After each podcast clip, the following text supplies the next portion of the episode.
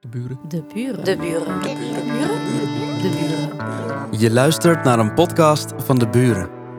Vlaams-Nederlands Huis voor Cultuur en Debat. Goedenavond, welkom bij Atelier Actua, de debatreeks van Vlaams-Nederlands Cultuurhuis De Buren. Mijn naam is Meredith Geer en ik ben voor vanavond de moderator van dit debat. Ehm, een debat over recht versus rechtvaardigheid en over klassenjustitie in de lage landen. Ehm, veel van deze zaken hebben echt best wel pittige eh, eh, details die bij mensen ook wel echt uh, wat teweeg brengen. De zaak is ontzettend emotioneel. Ons doel is vanavond niet om ehm, al die, die, die dramatische details voor mensen gewoon de zaal in te slingeren. We willen daar voorzichtig mee omgaan.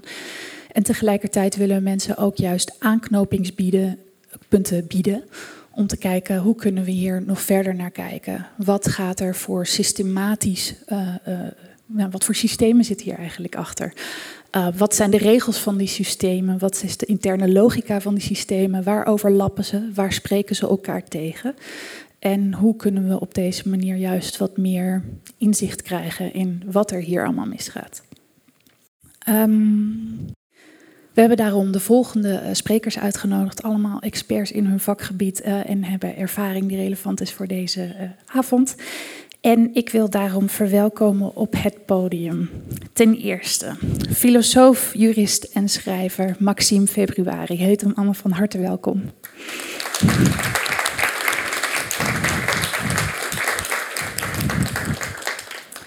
Daarna hebben we PhD-kandidaat Europees antidiscriminatierecht Nozizwe Dubé.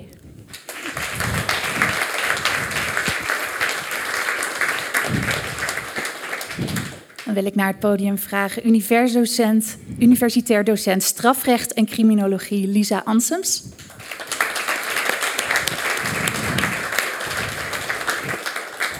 En tot slot de voorzitter van de Vlaamse Jeugdraad, rechtenstudent en columnist Amir Bashrouri. Welkom. Wanneer een rechter gaat zitten, is het geen persoon, dan is het het gezicht van een, van een instituut.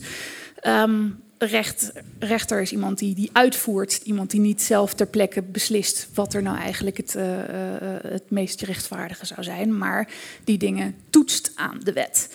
Er is dus een verschil tussen de realiteit en de juridische uh, werkelijkheid.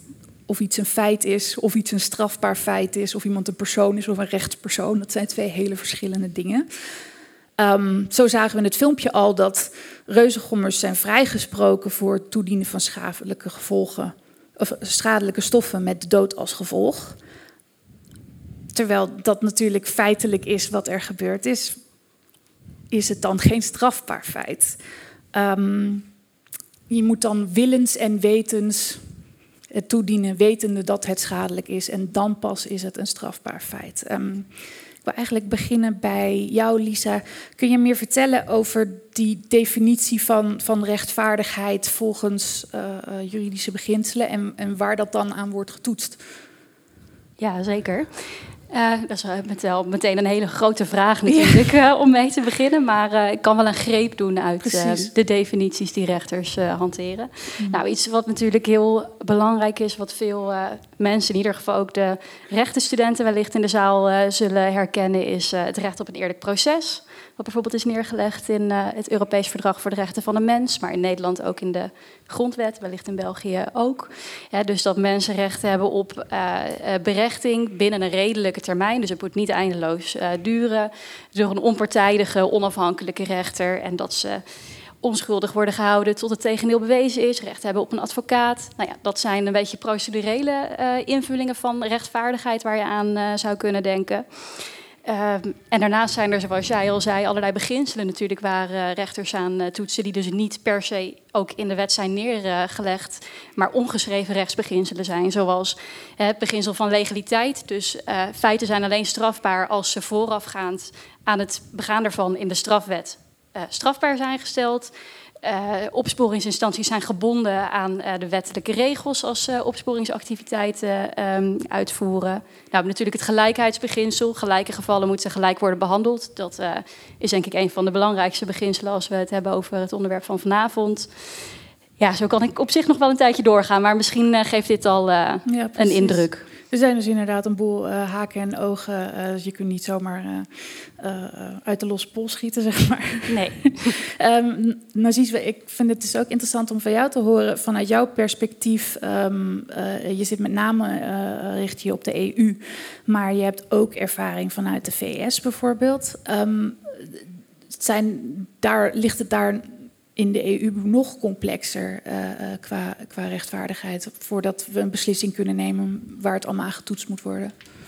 Ja, natuurlijk. Um, het is heel genuanceerd als je hoe hoger je gaat. Ik bedoel dan hoe hoger het niveau is. In de zin van je hebt, zoals al uitgelegd is hier, heel mooi. Je hebt de nationale wetten vooral, die dan inderdaad een grondwet die ervoor zorgt dat je wel bepaalde rechten hebt die gerespecteerd moeten worden dat is al heel mooi uitgelegd, ik moet dat niet aanvullen. Maar natuurlijk, hoe hoger je gaat, en als je bijvoorbeeld naar het EU-niveau gaat, daar is het wel altijd een twist van, heeft de EU wel een bevoegdheid om zich daarover uit te spreken, bijvoorbeeld? Als het over strafzaken, ik ben geen specialist ter zaken, maar um, sommige lidstaten kunnen wel vooral willen dat dat binnen hun eigen nationale wetgeving blijft.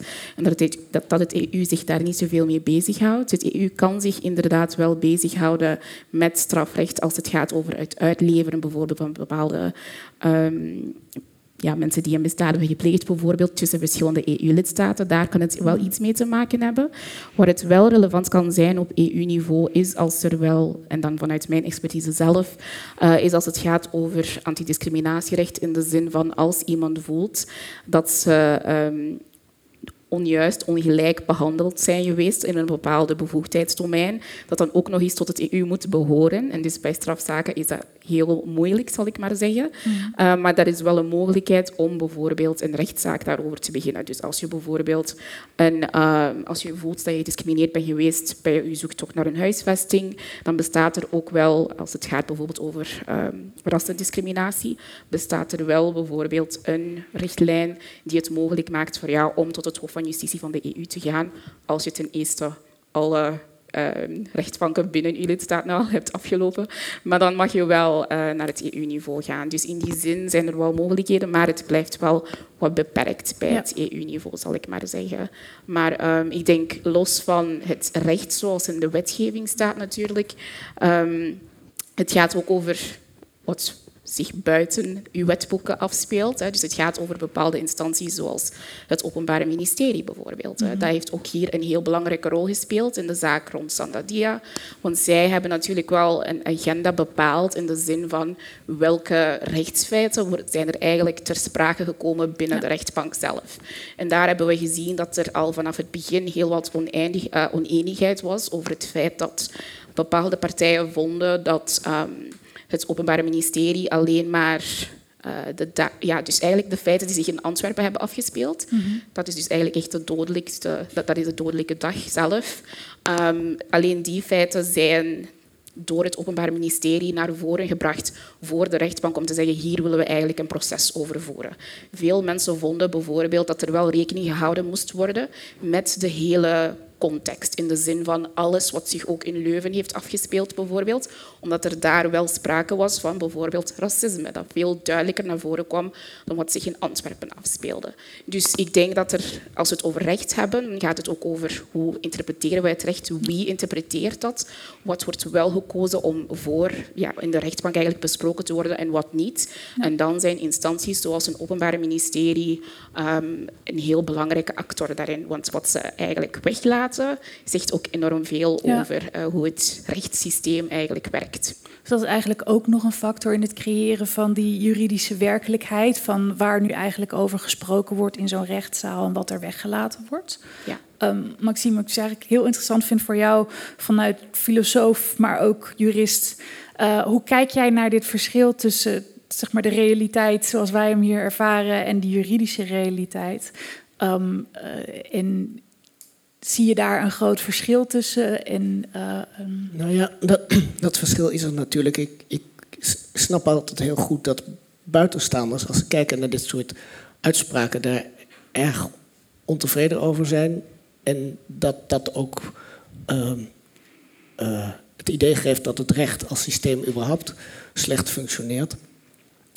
Maar een deel van de, van de ongelukkigheid van dit soort uitspraken is nou juist een gevolg ervan dat het rechtssysteem ons uh, uh, beschermt. En uh, het recht is in feite niet alleen een systeem, het is een soort technologie. Het is een technologie om dingen die misgaan met elkaar op een nette manier te bespreken en af te doen. Dus het recht is een systeem en een technologie en is dus al sowieso niet de werkelijkheid, maar het is een manier om met de werkelijkheid om te gaan. En um, zoals eerder al is gezegd, het zou uitermate onprettig zijn als je iedereen van de straat zou kunnen halen en zou kunnen zeggen: je, je hebt iets gedaan en wij vinden dat, dat, dat je dat niet had mogen doen en nu straf je jou daarvoor. Dus om iedere burger daartegen te beschermen zijn er een aantal spelregels afgesproken. En ik denk een van de belangrijkste hier is het legaliteitsbeginsel. Dat je zegt: het moet van tevoren aan je zijn verteld dat je dat niet mag doen. En als je het dan nog doet, dan gaan we je bestraffen.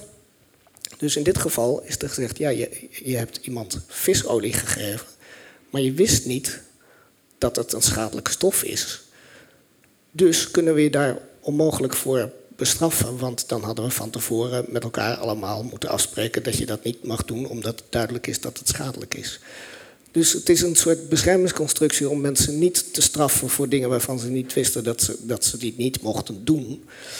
En wat nou in zo'n hele rechtszaak gebeurt, is natuurlijk uh, dat dit een uitermate ongelukkige uitkomst is. Want als je ziet wat er allemaal gebeurd is, dan denk je van ja, maar er zijn echt in deze zaak zo verschrikkelijk veel dingen gebeurd. waarvan je denkt je had kunnen weten dat het slecht afliep.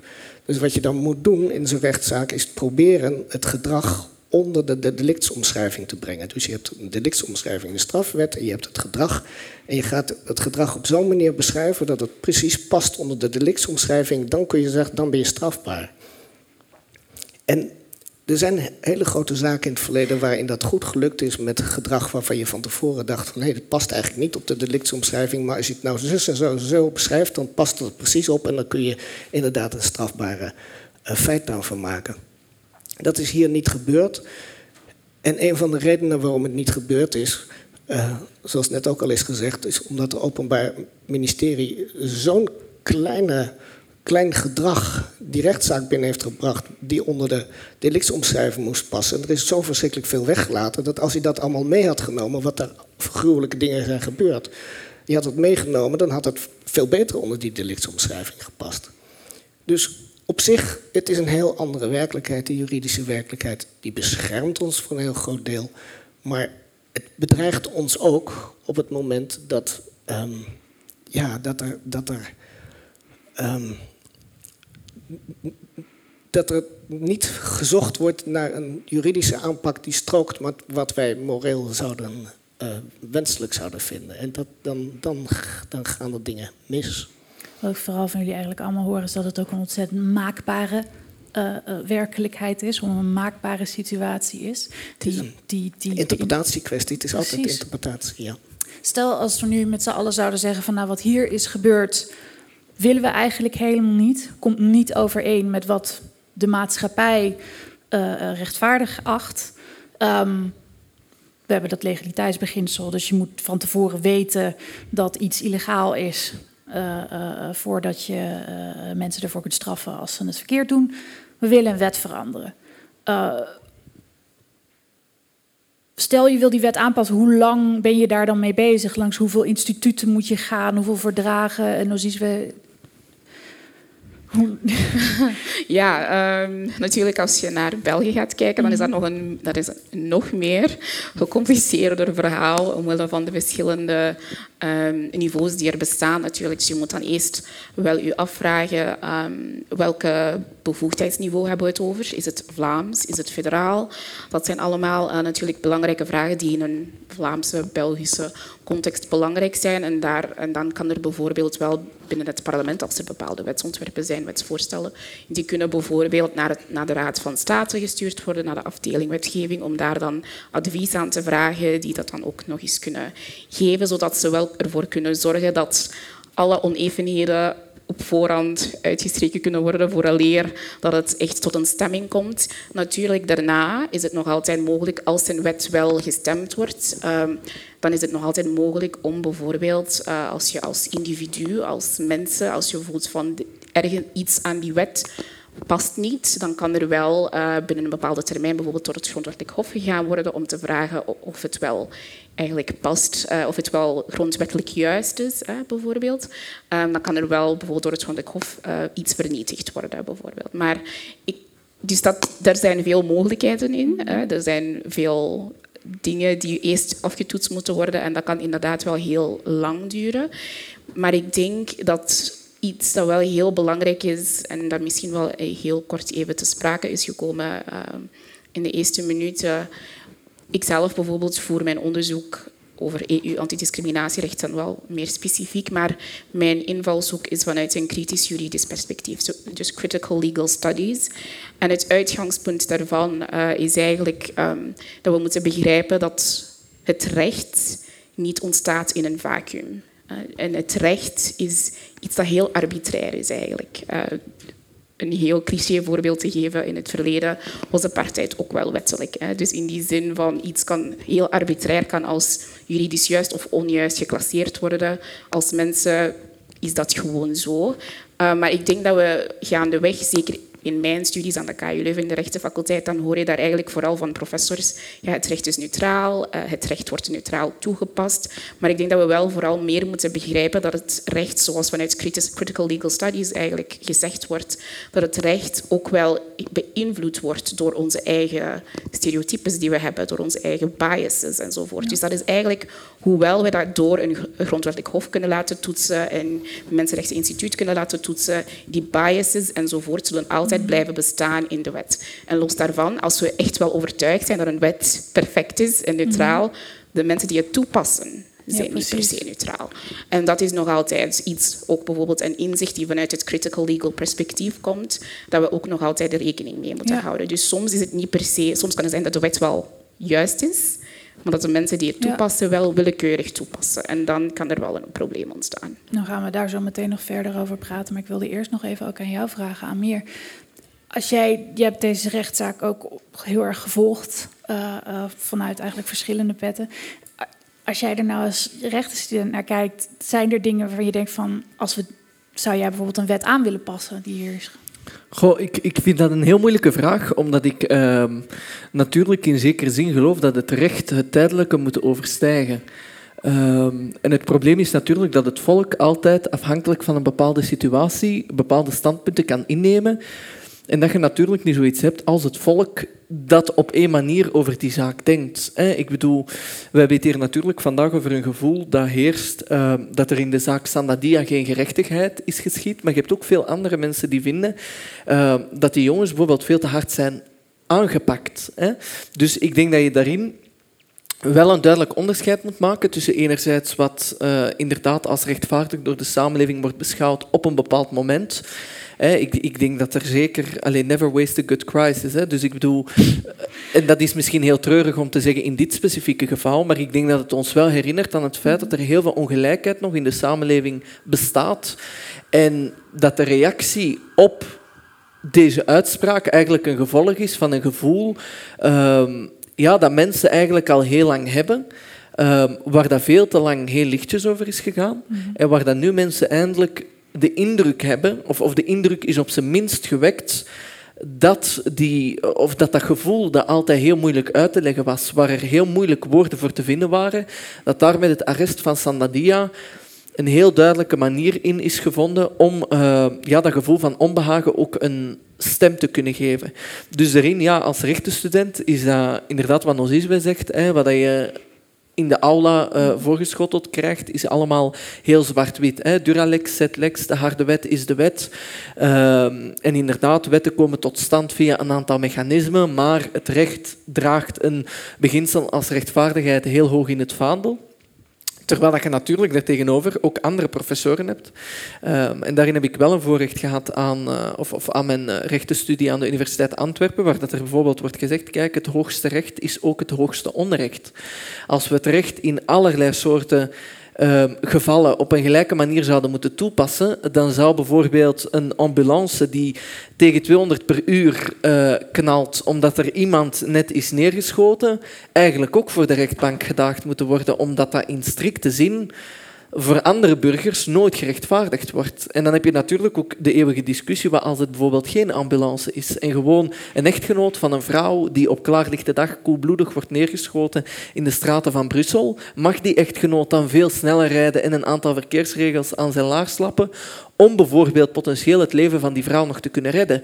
En daarin schuilt denk ik wel een belangrijke vraag voor het recht, namelijk hoe ga je om met het gevoel van een samenleving die zich onvoldoende vertegenwoordigd voelt door het verhaal dat je daar aan het vertellen bent. Ik vind niet dat het de taak is van een rechter of van het recht om zich te onderwerpen aan de grillen van de publieke opinie.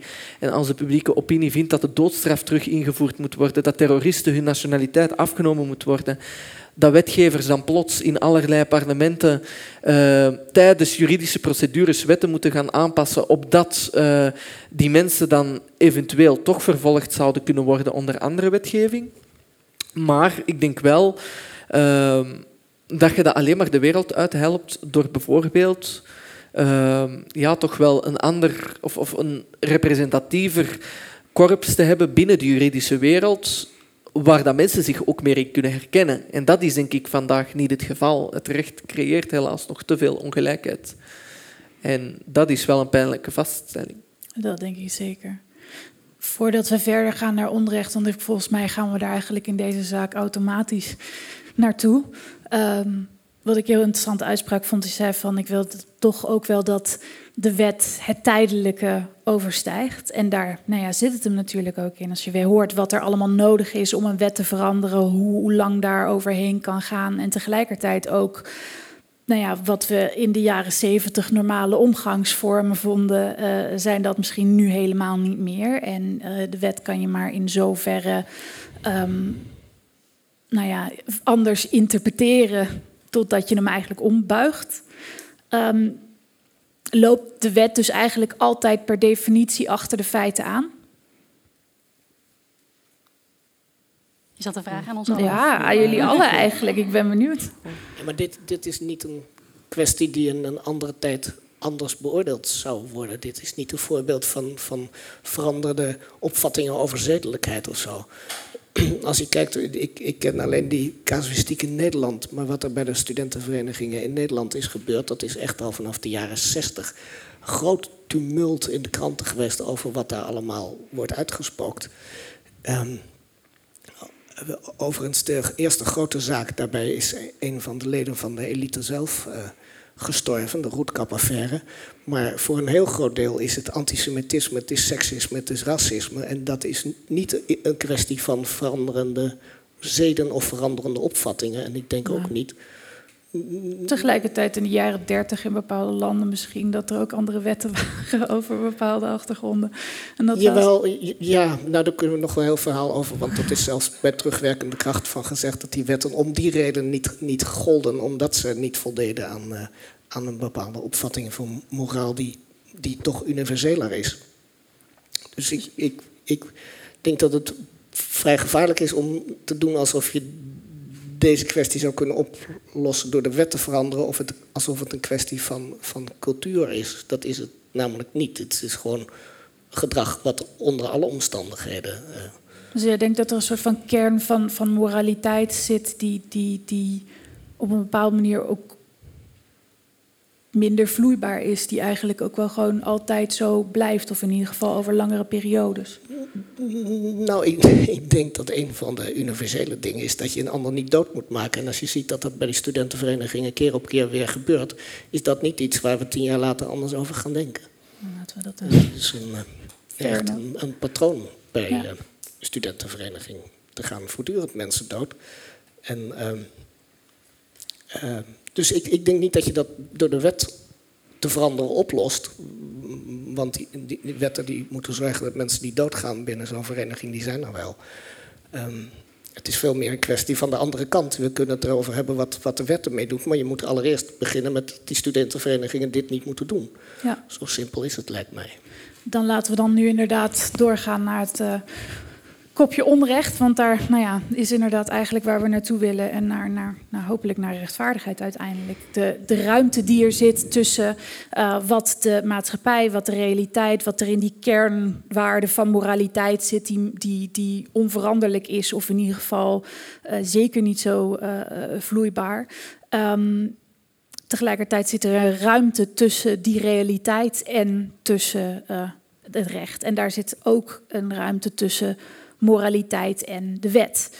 Um, er is ook in net uh, kort aangehaald het Nederlandse voorbeeld van een uh, studentenkorps wat tijdens een herendiner, zoals dat werd genoemd, allerlei nogal nou ja, heftig schokkende uitspraken deed, waarvan degenen die langs waren, maar dat waren nog niet eens de, de pittigste. Er werd ook opgeroepen om de nekken van vrouwen te breken om daar vervolgens handelingen mee uit te voeren. Uh, er is een vrouw geweest die heeft vervolgens aangifte gedaan. Die zei er wordt hier aangezet tot haat, discriminatie en geweld um, tegen mensen om vanwege hun vrouw zijn. En uiteindelijk heeft uh, het OM niet uh, gekozen om daarin te vervolgen. Die zegt er zijn wellicht, nou ja, er zijn fatsoensnormen overschreden, maar dat betekent niet dat het ook strafbaar is. En daar ben ik dus eigenlijk benieuwd bij ook, Maxime, van waar ligt dan die grens tussen fatsoen enerzijds en moraliteit en de wet anderzijds? En um, natuurlijk is er ook de kwestie van moet, nou ja, niet alles wat fout is, is ook direct illegaal. Het probleem is, en daar komen we bij het punt van critical legal studies, die studentenverenigingen die doen dit soort dingen en afgezien of ze daar nou maar wegkomen of niet, het zijn wel die studentenverenigingen die hier voortdurend inderdaad mee wegkomen, die de meest gruwelijke vormen van geweld bedrijven, um, waarop niet gehandeld wordt en die vervolgens de ministers van Justitie aanleveren en de advocaten en de rechters die, eh, zoals je al zegt, een weinig divers koor opleveren. En dat zijn dezelfde studenten die vervolgens dat rechtssysteem gaan bevolken. En dat is het probleem. Het is eigenlijk niet het probleem van functioneert dat recht niet, of functioneert de wet niet, of moeten we de wet veranderen. Het probleem is dat die studentenverenigingen in één vloeiende beweging door uh, allemaal die studenten doorstromen naar onze rechtbanken en gerechtshoven. En allemaal worden opgevoed met het idee dat dit normaal gedrag is. Uh, teksten die eruit komen tot en met plegen van geweld aan toe.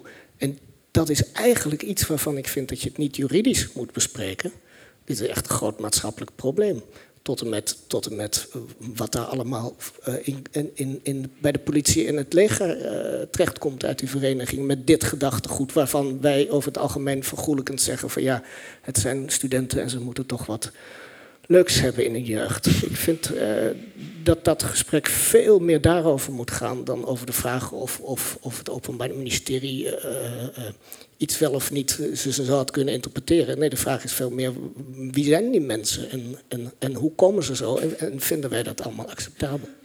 Zie je daar ook een, een rol in? Dan ben ik ook benieuwd naar jouw antwoord op deze vraag zo meteen. Voor, voor de universiteiten zelf in het aanpakken van deze studentenverenigingen. Ik bedoel, het is toch ook gelieerd aan de universiteit, aan hogescholen zelf? Ik vind de universiteit en hogescholen hier veel te laks in. Die gaan veel te lang mee door weer kansen te geven, weer terug te laten komen. Ik, ik, ik vind dit echt, en dat is vanuit de jaren 60. In de jaren 60 zijn de meest gruwelijke voorbeelden in, in Nederland van studentenverenigingen die, en nu ga ik iets erg zeggen, maar goed, uh, die daggoudje aan het spelen waren. En die kampen die waren net bevrijd. En, en, en een paar jaar daarna uh, ga je hier grappen over maken. En het werd vol continu. Het Nederlandse programma Andere Tijden heeft er nog een keer een programma aan gewijd. Er wordt voortdurend wordt er weggekeken door universiteiten tot en met de politie aan toe. Aangifte wordt gedaan door omstanders. En uh, ik denk dat het een, een, maatschappelijk probleem is, veel meer dan een juridisch probleem. Zie jij in de universiteit waar je nu zit dat dat, daar, uh, dat, dat aankomt, dat de universiteit uh, actiever daarin hmm. is? Ah, wel, wat we denk ik wel hebben gezien is dat er onder andere aan mijn universiteit wel een hernieuwd toopcharter is gekomen. waar dat er toch nog een aantal duidelijke ja, regels worden vast of, worden gemaakt over hoe dat je zo'n studentendop laat verlopen, ehm, hoe dat je dat ook een plek geeft binnen een organisatie, hoe ver mag je gaan. Uh, de universiteit, hè, als je dat mee ondertekent, wil dat ook zeggen dat je mee de missie en visie van een universiteit uitdraagt, die vaak ook inclusie, diversiteit enzovoort, uh, maar ook hè, gendergelijkheid enzovoort heel hard nastreven. Dus dat je daar ook in je werking en bij je doop rekening mee moet houden. Uh, maar wat je natuurlijk nog steeds merkt, is dat er een aantal studentenverenigingen zijn die zich rond een bepaalde ideologie groeperen. En dan bijvoorbeeld zeggen, kijk, we hebben veel liever mannelijke leden dan vrouwelijke leden. Misschien wordt dat niet altijd even expliciet gezegd, maar waar dat denk ik veel vrouwen al heel snel beseffen, daar ben ik toch niet heel welkom. Net zoals dat, dat bijvoorbeeld ook voor mensen van kleur kan zijn, dat je meteen zoiets hebt van, ja, hier ben ik niet thuis, want er worden om de haverklap racistische grapjes gemaakt.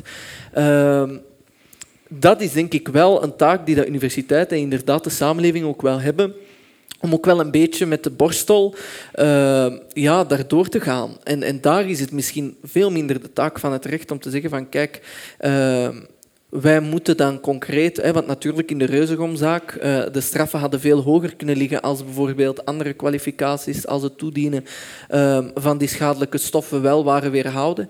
Uh, dan had die strafmaat ongetwijfeld veel hoger gelegen. Eh, maar dat daarin denk ik ook wel de vraag is hoe een universiteit, hè, waar dat men toch hoort dat de KU Leuven een aantal is verzuimd in het voldoende controleren van die studentengroep die zich ook actief ontrok aan uh, het toezicht van die universiteit, dat daar denk ik ook wel de vraag is in hoeverre universiteiten, en dat is dan een maatschappelijke vraag verder dan een juridische, mogen ingrijpen in die vrijheid van studenten om zelf hun studentenactiviteiten te organiseren. Uh, natuurlijk, als je dat in het gebouw van een universiteit doet, in naam van de universiteit, en je daar ook kenbaar maakt als student, denk ik dat je daar als universiteit veel meer voorwaarden tegenover mocht zetten. Als men gewoon zegt, kijk, we zijn een studentenvereniging die zich buiten de schoolmuren gaat beginnen groeperen. Ehm, daar heeft denk ik de universiteit wel een belangrijke taak om toch wel meer richting te geven aan een aantal zaken. En dan ook vooral in het creëren van een veilig klimaat want als je kijkt naar de rechtenstudie bijvoorbeeld, zie je daar ook de kloof tussen kansarme en kansrijke studenten is enorm. Eh, de studieduur van kansrijke studenten is gemiddeld veel korter. Die doen de bachelor en de master in de rechtenstudie over vijf jaar, terwijl voor studenten met een kansarme achtergrond dat vaak gaat over zeven jaar. En dan moet je weten, zeven jaar, dat zijn soms mensen die opgroeien in financiële armoede, een studentenjob naast de studies doen, die dan beseffen van oei, ik moet dan nog al die herexamens doen, ik moet dan nog een jaar erbij studeren, dus nog een jaar extra werken om mijn studies te kunnen bekostigen. Die hebben niet de tijd om zich dan bijvoorbeeld in zo'n studentenvereniging nog te engageren. Dus het gaat ook echt wel over gelijkheid en gelijkwaardigheid van alle studenten en hoe dat je zo'n richting democratisch kunt maken voor iedereen. Ik wou iets ter aanvulling um, zeggen van wat in het begin door uh, Maxim gezegd was geweest, dat er wel een probleem is waarbij um, en dat heeft ook wel weer te maken met welke rol kunnen universiteiten dan wel spelen in het bestrijden van het onrecht. Mhm. Want u zei daarnet van het probleem zit er ook in dat, en zeker in de rechtenfaculteiten, um, het zijn dezelfde mensen die in dergelijke elitische um, clubs zitten, die dan uiteindelijk met allerlei gedrag wegkomen en die dan uiteindelijk toch nog altijd in de hoogste rangen in onze maatschappij terechtkomen. Mm um, en ik denk en dan, dan, kunnen zij ervoor zorgen natuurlijk dat ze eens een magistraat of rechter zijn enzovoort, het recht op een bepaalde manier kunnen uh, toepassen die dan ook wel heel erg willekeurig is. Hè. Mhm. En ik denk dat daar wel een probleem, dat daar wel, daar wel een rol is voor universiteiten te spelen in de zin van zeker rechtenfaculteiten. Vanuit mijn aanzien, ik zie de, rechtenfaculteiten houden echt op een bepaalde manier het onrecht eigenlijk zelf in stand. Mhm. In de zin van het, de manier waarop het recht onderwezen wordt. Um, alle rechtstakken zijn zo, ze worden eigenlijk als atomen gezien die los van elkaar bestaan. Dus ja, hier hebben we strafrecht, hier hebben we antidiscriminatierecht, hier hebben we sociale zekerheidsrecht enzovoort. En mensen studeren dan uiteindelijk af. Je kan magistraat worden, je kan rechter worden zonder bijvoorbeeld iets maar te hebben geleerd over antidiscriminatierecht. Terwijl discriminatie iets is die iedereen kan doen. iedereen kan discrimineren. Ja, dat Ehm, zit niet op een en- eilandje En, dat heeft, eentje. ja, inderdaad, dat heeft veel grotere gevolgen bij een rechter, bij een magistraat. Mensen studeren af, ze weten niet wat intersectionaliteit is. Hè. Mhm. Als rechter, je weet niet wat dat inhoudt, maar je bent toch rechtszaken aan het beslissen over discriminatie. En ik denk dat daar dus eigenlijk één probleem zit, waarbij de manier waarop het recht onderwezen wordt, dat wordt eigenlijk onderwezen op een manier waardoor studenten kunnen afstuderen en rechter en magistraat kunnen worden zonder in te zien hoe dat zij zelf bijdragen aan het onrecht zelf. hè. Dus door bijvoorbeeld, zoals ik zei, het recht willekeurig toe te passen enzovoort. En daarbij ook leun, daar ook nog eh, leunend aan. Hè. Er zijn bijvoorbeeld, ik denk het ironische is aan de Reuzegomzaak is de manier waarop die rechtszaak beslist is, is een heel abolitionist manier om naar het recht te kijken. Kun je uitleggen wat dat Ja, betekent? abolitionism houdt eigenlijk in, komt vooral weer van hoe dat ik het begrijp natuurlijk, komt vooral vanuit, het, vanuit de VS, eh, de Verenigde Staten. Het komt vooral vanuit zwarte mensen en mensen van kleur die in de gevangenis zitten, disproportioneel binnen de VS-context. En hun uitgangspunt is eigenlijk als strafrechters, als maatschappij, moeten we niet te veel focussen op het oneindeloos bestraffen en eh, ja, ondurend besla- het durend eh, bestraffen van mensen. Eh, want soms zijn er bepaalde dingen die gedaan worden. Als iemand natuurlijk al spijt betuigt, zijn er bepaalde dingen die gedaan worden waar je als rechter wel kan zeggen, hier kunnen we misschien beter ervoor zorgen dat die persoon maatschappelijk werk verricht, bijvoorbeeld ik zeg het opnieuw, als iemand spijt betuigt, die persoon kan dan bijvoorbeeld maatschappelijk werk doen voor een bepaalde duur. We kunnen ook bijvoorbeeld in plaats van telkens te focussen op mensen te bestraffen, en, en dan kunnen we bijvoorbeeld als maatschappij focussen op hoe kunnen wij discriminatie en onrecht voorkomen eigenlijk. Dus dan probeer je alles vooruit te lopen. En dat is eigenlijk het abolitionist standpunt. Dus die abolitionist standpunt is ook weer... Ah, die jonge mannen zijn jong. Hè. Ze hebben nog een hele, hele leven voor zich, zoals de rechters hebben gezegd ook in de Ruizegomzaak. We zullen dus daar ook rekening mee houden. Het probleem is, die abolitionist perspectieven, die worden eigenlijk bijvoorbeeld niet onderwezen. Ik heb dat niet gezien in mijn eigen studies als rechtenstudent. Um, maar ze bestaan wel in de maatschappij. En die worden wel toegepast opnieuw wille- willekeurig op mensen die van goede komaf zijn, die wit zijn, die mannelijk zijn enzovoort. Het moment, en ik durf niet, ik, ga zelfs niet eens twijfelen, als het een jonge zwarte mannenclub was die dit hadden gedaan tegenover een witte jonge, een witte jonge man, die rechten zouden nooit hebben gezegd, oh, die jonge zwarte mannen hebben nog een le- hele leven voor zich. We zullen dan wel ook daar rekening mee houden. Dus daar zit dan ook weer een probleem in dat dat bijvoorbeeld niet aangepakt wordt binnen het, recht, het onderwijs van het recht. Hè. Dat juristen, rechtenstudenten, dat rechtenprofessoren die zich daar ook mee bezighouden. Van hoe kunnen wij studenten bewust maken van het feit dat zij functioneren in een maatschappij die onrechtvaardig is en dat zij die onrechtvaardigheid ook niet moeten versterken eens zij het binnen het gerechtelijke apparaat terechtkomen. En daar is eigenlijk nog geen ruimte voor. Naar mijn aanvoelen binnen andere universiteiten waar ik ben geweest, is, is dat gesprek eigenlijk niet gaande over hoe kan een rechtenfaculteit de manier waarop ze het recht onderwijzen eigenlijk op die manier doen dat ze juristen afleveren die bewust zijn van hoe dat zij het rechtssysteem niet willekeurig kunnen toepassen en op die manier het onrecht kunnen blijven laten bestaan.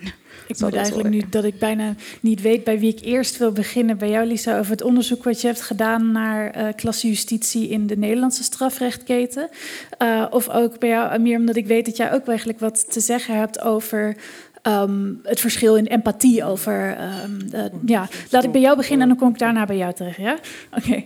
Ehm, want ja, jij geeft advies ook aan beleidsmakers over jeugddelinquentie. En eh, bijvoorbeeld bij Reuzegom werd groepsdruk als een verzachtende omstandigheid gepresenteerd, zoals je eh, eh, ook hebt gelegd. Maar ik denk, krijgt iedereen diezelfde empathie? Ja, het- het ding is natuurlijk dat je in heel dat verhaal, ehm, omdat wij natuurlijk in Vlaanderen of in België heel weinig echt gedocumenteerde academische studies hebben over of dat klassenjustitie bestaat of niet, eh, maar dat je denk ik wel kan zeggen dat in de maatschappelijke perceptie ehm, er heel veel begrip was voor die groepsdynamiek die heeft gespeeld bij reuzengommers. En daarin denk ik wel Ehm, wat dat sommige mensen misschien onpopulair vinden of het daar niet mee eens zullen zijn, dat in die end ik persoonlijk niet overtuigd ben van het feit dat die jongens allemaal een gevangenisstraf hadden moeten krijgen. Ik geloof niet dat dat de beste manier was geweest om die terug te reïntegreren in de samenleving. En ik vind dat dat uiteindelijk wel de doelstelling van een samenleving moet zijn voor alle jongeren die een misdrijf plegen. Maar dat is natuurlijk wel de noodzakelijke voorwaarde dat het voor alle jongeren zo is. En we zien in de praktijk dat als het bijvoorbeeld gaat over jongeren die in Blankenbergen met parasols naar de politie gooien, als het gaat over jongeren uit de stad die vaak kansarm zijn of bijvoorbeeld een migratieachtergrond hebben, dat er heel snel wordt gekeken naar de verantwoordelijkheid van de ouders, bijvoorbeeld. Van waar zijn die ouders? Eh, hoe zit het met de opvoeding van die kinderen? Waar is het misgelopen? Eh, waar is er een minister die de huismoeder wil komen aanvallen en zeggen dat het allemaal haar schuld is? Ehm, en waar dat je nu veel meer, denk ik, vanuit de samenleving een soort van veel mensen hebben gestudeerd, hè, en zeker de mensen die over die zaken bericht hebben, mensen die daar een mening over hebben gehad, echt in het maatschappelijke debat, zijn nu eenmaal vaker hoogopgeleid. Dus hebben zelf aan de universiteit gestudeerd, weten wat de alcohol in een studentensfeer tot impact kan hebben, weten hoe dat die groepsdynamiek bepaalde jongeren op bepaalde momenten ook effectief kan opfokken. En dat is natuurlijk een, een parley of, of een zaak die een, gerechts, uh, een gerechtspsychiater in de zaak Reuzegom zelf in de rechtszaal heeft mogen duiden. Ze heeft zelf mogen toelichten hoe groepsdynamiek bij jongeren tot bepaalde ja, ongewenste gevolgen kan leiden die in een individueel geval door de individuele jongeren nooit gesteld zouden worden. En daar is denk ik wel de legitieme vraag, waren het jongeren geweest die niet die kansrijke achtergrond hebben, uh, bij wie het inderdaad misschien niet even duidelijk was geweest, of dat zij later dan ook in ja, toch wel beter of, of in hoger opgeleide jobs of zo terecht zouden komen, die door de samenleving misschien nog te vaak ten onrechte als superieur worden beschouwd, was er die mogelijkheid tot nuance dan ook geweest? En, en dat is de vraag waar dat ik geen antwoord op heb, maar ook niet geneigd ben om meteen te zeggen uh, dat het in alle gevallen op een gelijke manier gebracht zou geweest zijn. Dus ik zou denken, ja, groepsdynamiek, het geven van werkstraffen aan jongeren, absoluut aangewezen, maar wel voor alle jongeren dat is dan inderdaad, dat, dan kom ik ook bij jou terecht eigenlijk, Lisa. Je zit ontzettend mee te knikken. Um, uh, dat onderzoek naar uh, klassejustitie in het Nederlandse strafrecht... kun je kort aan ons vertellen wat jullie conclusies waren... en zie jij daarin dingen terug in de casus die we hebben besproken? Ja, dat kan ik wel toelichten. Het was een uh, lijvig rapport, dus wie meer wil weten raad ik vooral op om het op te zoeken. Het is vrij toegankelijk. Maar ik kan wel op hoofdlijnen vertellen waar het over ging en wat we hebben gevonden. Ook aanhaken bij wat jij allemaal vertelt. dus onze vraag was eigenlijk, nou we hadden een aantal vragen. Een van de vragen was: wat is klasjustitie nou eigenlijk? Want we gebruiken de term, zeker in eh, het maatschappelijk debat, toch wel zo nu en dan. En nu in België natuurlijk recent heel veel.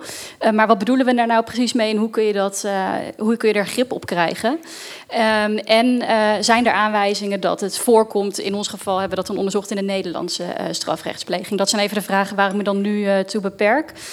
Nou, belangrijk om natuurlijk dan te beginnen met uitleggen wat wij, uh, hoe wij klasjustitie hebben gedefinieerd op basis van uh, de literatuur, maar ook um, uh, veel gesprekken met professionals uit allerlei stadia uit de strafrechtketen. Um, en kortweg komt het eigenlijk in ons onderzoek in ieder geval neer op illegitieme, was een woord wat jij ook al in de mond nam, illegitieme selectiviteit. Dus onterechte, ongerechtvaardigde vormen van selectiviteit, die kunnen bestaan uit het um, bevoordelen van mensen uit de heersende klasse. Dat past denk ik heel goed bij het uh, Reuzegom voorbeeld waar we het nu over hebben. Mm -hmm. Of het benadelen van mensen uit de niet heersende uh, klasse. Um, en die bevoordeling of benadeling kan dan uh, bijvoorbeeld bewust of onbewust uh, plaatsvinden. Zo vallen er nog wel meer uitsplitsingen te maken. Zo hebben we het begrip eigenlijk ontleed. Um, nou, en wat wij eigenlijk vonden is dat we in alle stadia van de strafrechtspleging, uh, en dat gaat dus echt vanaf de voorfase waar je eigenlijk nog niet eens in het strafrecht zit, dus uh, controlerend, handhavend optreden van de politie onder gezag van de burgemeester, als er dus nog geen strafbaar feit is gepleegd, tot en met, hè, dus via de opsporing, vervolging, tot en met de berechting en de executie of de uitvoering. Dat we eigenlijk in al die stadia aanwijzingen vonden voor het bestaan van klasjustitie. Daar moet ik wel meteen bij opmerken dat het vaak ging om uh, onbewuste on, uh, vormen van klasjustitie. Dus dat zit heel erg in de vraag die jij ook uh, opwerpt: van ja, heb je misschien als rechter, omdat je uit een bepaald milieu komt, zelf ook bij een studentenvereniging hebt gezeten, overigens natuurlijk niet alle rechters, hè, maar flink deel wel. Um, uh, ja, kun jij uh, die verdachte die tegenover je zit beter begrijpen? Kun je je beter in die persoon verplaatsen? Kun je beter met die persoon communiceren, omdat hij wel bespraakt is, zijn verhaal goed over het voetlicht kan brengen? Uh, dus al dat soort, dat, is, dat hoeven geen bewuste vormen van bevoordeling in dit geval te zijn. Um, maar dat kan wel onbewust heel erg een rol spelen. En dat maakt de selectiviteit of de ongelijkheid die optreedt natuurlijk niet minder illegitiem. Maar het maakt wel uit voor in wat voor de termen van wat voor oplossingen je moet gaan denken. Daar weet dat we daar later op uh, terug um, uh, komen. En wat misschien ook nog goed is om even op te merken, uh, want we hebben het nu natuurlijk heel erg over die fase van berechting. Dat is mhm. ook een hele belangrijke fase en die staat nu natuurlijk vanwege deze zaak heel erg centraal in het publieke debat ook. Maar wat wij vonden is dat die um, onterechte bevoor- of benadeling eigenlijk vooral in de voorfase van het strafrecht uh, plaatsvinden. Mm. Omdat daar ja, meer discretionaire ruimte bestaat, zoals dat heet. Dus dat uh, uh, het recht minder dichtgetimmerd is. Er meer beslisruimte is voor agenten, bijvoorbeeld om te kijken: oké, okay, jou pluk ik wel uit de rij om te fouilleren, jou niet. Ja. Um, en doordat daar meer beslisruimte is, is er ook meer ruimte voor die vooroordelen, uh, stereotypen die we allemaal uh, met ons meedragen. Ja. Dus dat uh, zijn even in het kort, en aanhaak het ook bij wat jij zegt, de belangrijkste bevindingen, denk ik. Kun je nou ooit of vaak of met zekerheid zeggen: dit is klassejustitie? En, en, en wa nou ja, waarom wel of niet. Hoe dan? Ja. Nee, ik ben heel blij dat je die vervolgvraag nog stelt, want daar wilde ik inderdaad ook nog uh, op aanhaken. Um, het, jij hebt het al gezegd, het schemert ook door in jouw verhaal. Je voelt aan alles aan in deze zaak dat dit toch wel heel erg ruikt naar klasjustitie. Maar de reden dat wij uh, in ons rapport, zoals ik net ook uitlegde, het uh, steeds hebben over sterke aanwijzingen, mm. dat is niet voor niks. Dat is omdat het echt heel moeilijk is, zo niet onmogelijk, om klasjustitie onomstotelijk vast te stellen. Uh, omdat het in het recht, uh, dat zullen de juristen wellicht in de zaal ook uh, herkennen, altijd heel erg gaat over de concrete feiten en omstandigheden van het geval. Mm. En ik noemde aan het begin het gelijkheidsbeginsel, gelijke gevallen gelijk behandelen. Maar het probleem, probleem is natuurlijk dat in de werkelijkheid geen twee gevallen, hoewel ze op elkaar kunnen lijken, precies hetzelfde zijn. Dus er zullen altijd feiten en omstandigheden anders zijn. En wat je eigenlijk nodig zou hebben om klasjustitie keihard aan te kunnen tonen, mm -hmm. is uh, deze reuzegomzaak. En dan een zaak die in alles overeenkomt. Hè? Zelfde feiten, uh, zelfde aanloop, zelfde omstandigheden. Waarbij alleen de klasse kenmerk, om dat woord dan even te gebruiken, van de verdachte verschilt. Ja, als je dan een andere uitspraak hebt, dan zou je heel hard kunnen maken dat dat komt doordat die verdachten uit, een, uh, uit de heersende klasse, zoals wij dat dan hebben genoemd, komen. Maar ja, in de praktijk zijn die gevallen dus nooit echt hetzelfde. En daar kun, daardoor kan je wel heel sterke vermoedens en misschien ook heel terechte vermoedens van klasjustitie hebben. Maar om het wetenschappelijk heel hard aan te tonen in een niet hele artificiële uh, laboratorium, sociaal-psychologisch laboratoriumcontext, mm -hmm. ja, dat is heel moeilijk. Wil je daarop reageren vanuit jouw perspectief? Ja, ik denk dat dat een heel interessant onderzoek is natuurlijk. En inderdaad, ja. zelf vanuit antidiscriminatierecht, eh, het probleem van nooit twee gelijkende gevallen uh, ken ik ook heel erg veel. Dat, dat, dat bestaat gewoonweg niet. Maar ik denk dat het wel heel, inderdaad heel interessant is dat je zegt dat, het, dat die klassejustitie voorkomt in verschillende stadia. Omdat we natuurlijk wel vooral spreken over wanneer een, een rechtszaak eigenlijk in de rechtszaal um, besproken wordt enzovoort. Maar ik denk een ander aspect die ook soms misschien onderbelicht wordt in het hele probleem, is, is het feit dat als we bijvoorbeeld zien waarom eh, zoveel mensen boos zijn geweest, is omdat er uh, het cynische aspect van die boete die dan voor 400 euro, die dan natuurlijk wel met op de Siemen aangepast wordt, maar uh, in principe ging het om 400 euro per persoon dan, die als boete dan betaald zou moeten worden. En ik denk dat daar ook opnieuw bijvoorbeeld een aspect is waarbij dat, ik weet vanuit bepaalde um, rechtsgeleerden wordt er wel met een kritischer bril gekeken door bijvoorbeeld te stellen van ja, als we kijken naar boetes, als we werken met boetes binnen een rechtssysteem, zijn we eigenlijk arme mensen aan het bestraffen en zijn we bijvoorbeeld geen rijke mensen aan het bestraffen. Want 400 euro voor mij en 400 euro voor een reuzegommer, dat is een heel groot verschil.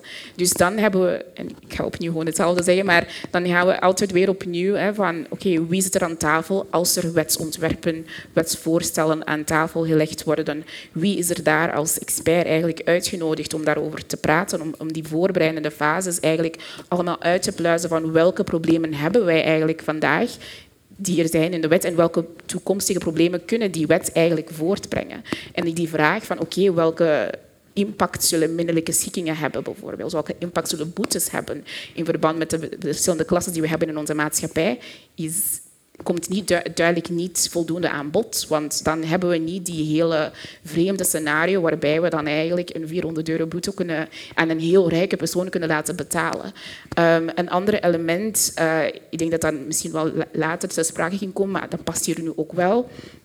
Um, dat ACET dan, hè, die, die wordt dan nu uh, aangeklaagd door een andere um, Reuze er zelf niet aanwezig was op, op de doop zelf, maar die neemt er aanstoot aan dat uh, Acid een video heeft gemaakt. En voor, de, voor de duidelijkheid, want het kwam net heel kort langs in het filmpje, voor wie het niet de hele zaak uh, uh, goed gevolgd heeft. ik heb zelf ook me echt nodig in moeten lezen, want in Nederland kwam het natuurlijk ook anders in de media. Er is dus een YouTuber die op een gegeven moment zei van, nou, volgens mij is de Vlaamse media gewoon te bang voor je ouders van al die jongens. Ik ga ze gewoon naam en toenaam noemen. Beste mensen, dit zijn de reuzengommers. Die heeft er gewoon, nou ja, tot nu toe waren ze allemaal in de anonimiteit gebleven. Uh, heeft al hun namen uh, genoemd daar was natuurlijk dan weer een boel over te doen. En uh, daar zijn vervolgens uh, voor hem ook een hele nodige juridische consequenties aan verbonden. Uh, er is nu een hele rechtszaak tegen hem over of hij dat wel of niet had mogen doen. Um, ja. nou ja. En er zijn verschillende aanklachten dus. Hè. Dus het ja. ging over zeven, als ik me niet vergis. Eén daarvan, het ging over natuurlijk het onrechtmatig verspreiden van privégegevens enzovoort. Maar het ging ook over een ander aspect dat ik wel heel interessant vond vanuit mijn eigen um, onderzoeksveld. Het ging over discriminatie op basis van socio-economische achtergrond. Mm -hmm. Dat was dus wat die ex-reuzengomer aan ACID um, heeft gezegd van ja, ik neem daar aanstoot aan. Dat is dus een discriminatierechtszaak geworden. En als je daarnaar kijkt, dan is het eigenlijk ook weer opnieuw een kwestie van wie zat er aan tafel toen die Belgische antidiscriminatiewet opgesteld werd. En ik, moet, ik zou eigenlijk ook tot het EU-niveau kunnen trekken, want Belgische antidiscriminatiewetgeving of alle antidiscriminatiewetgeving van EU-lidstaten komt vooral vanuit het EU-niveau als richtlijnen. Die wordt dan omgezet binnen nationaal, in, in een nationale wet. Um, maar als je ervoor kiest om in een antidiscriminatiewetgeving te zeggen van iemand kan gediscrimineerd worden omwille van hun socio-economische achtergrond. Dat is iets anders dan zeggen dat iemand gediscrimineerd kan worden omwille van hun precaire socio-economische achtergrond. Want dan zou een ex-reuzegommer niet kunnen zeggen dat dan zouden ze geen beroep kunnen doen op dat tweede. Ik word gediscrimineerd vanwege mijn rijk zijn. Voilà. Dus dat is eigenlijk ja. ook weer een kwestie van, zoals je zegt, die klassenjustitie speelt ook een rol ja. in hoe dat wij niet wij, maar dan de experten die aan tafel zitten, de minister van Justitie, als ze dat allemaal opstellen, als ze dat allemaal opschrijven, welke definities gebruiken we daarin, welke concepten brengen we daarin die het eigenlijk mogelijk maken voor mensen die van goede komaf zijn om het rechtssysteem te gebruiken om zichzelf te verdedigen, terwijl armere mensen daar geen beroep op kunnen doen. Precies, we, hoe doen we dat in België? Zijn daar een soort van ook bepaalde uh, dingen ingebouwd om te zorgen dat, dat um, als we de wet soort van te sec bekijken, dat het niet te hard wordt toegepast, bijvoorbeeld? Ja, um, je hebt um, natuurlijk, je hebt als je zelf, als, als partij wie misschien betrokken is in een rechtszaak, als je zelf vindt van ik ben niet blij, ik ben, niet, ik ben niet overtuigd van hoe de rechter uh, in een bepaalde recht, of over mijn rechtszaak heeft beslist, uh, dan kan je nog altijd natuurlijk, natuurlijk wel beroep aantekenen. Dus dat, dat is dan zelf natuurlijk binnen het bestaande rechtssysteem, waar je zelf natuurlijk misschien zelf niet echt overtuigd van bent dat ze dat wel op een juiste manier behandelen. Dus dan zit je wel een beetje in een vicieuze cirkel. Ehm, maar die mogelijkheid is er. En je kan inderdaad heel veel niveaus opgaan. Hè, in de zin van binnen België, je kan van de rechtbanken afgaan tot het hoogste. En dan daarna, als het opnieuw binnen de bevoegdheid is van de EU, misschien het Hof van Justitie. En als het echt zo moet, dan kan het ook bijvoorbeeld op VN-niveau. Er zijn bepaalde uh, mensenrechten treaty bodies die bestaan over bepaalde, uh, als het gaat over discriminatie, maar ook als het gaat over torture. Hè, dus het kan gaan over strafrechtsaspecten. Mhm. Maar opnieuw, dat is heel tijdrovend, één. Mhm. Um, dat neemt uh, ook, dat, je moet daar ook heel veel geld voor hebben. Dus dan mhm. zitten we daar weer opnieuw met aspecten van ja, classism, eigenlijk, elitisme, die daar dan ook wel een rol in zullen spelen. Een ander aspect die ook, kan, die ook binnen België is, ik ben zelf niet zeker uh, of dat ook zo binnen Nederland is, maar je hebt ook de, het Hoge Raad voor Justitie bijvoorbeeld uh, in, in België, die opgericht is in de nasleep van uh, de Witte Mars na um, ja, een paar jaar geleden. En die zijn eigenlijk onafhankelijk van... Um, het gerechtelijk apparaat en ook onafhankelijk van de politiek. En hun taak is eigenlijk om als een klacht binnenkomt, uh, dan kunnen ze beslissen om die klacht te onderzoeken en te zien van, is die rechtszaak eigenlijk waar die persoon een klacht over indient, is die rechtszaak juist behandeld in verschillende aspecten. Dus ze kunnen over verschillende zaken kijken en verschillende aspecten kijken en verschillende elementen bestuderen eigenlijk. En dan kunnen ze daarna wel een advies daarover verlenen, bijvoorbeeld. Um, maar opnieuw, um, als je dan zit met een hoge raad voor justitie die, en ik ken die mensen niet, maar ik heb een kijkje genomen op de website.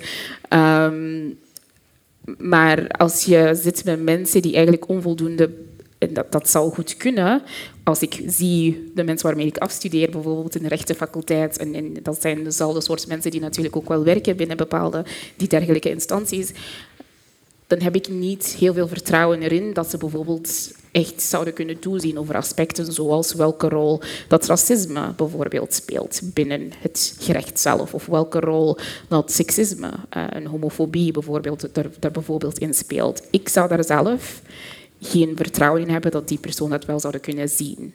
Mhm. uh, dus dan zit je eigenlijk met een probleem en dan zit je daar eigenlijk met uh, als persoon, als je zelf in die situatie bent, dan denk ik dat, hetzelfde, dat, dat het enige dat overblijft is dan, zoals we gezien hebben, om op straat te gaan en te demonstreren enzovoort. En, en dat past wel, zoals al gezegd wordt, the riot or protest is the language of the unheard. Ja. Dus dat hebben we hier ook gezien, omdat je dan ook wel zit met instanties die op papier onafhankelijk zijn mm -hmm. uh, en die er voor iedereen zou moeten zijn, maar die ook niet vrij zijn van blindheid, van blind zijn over hoe dat racisme en seksisme en homofobie en al die uitsluitingsmechanismen werken.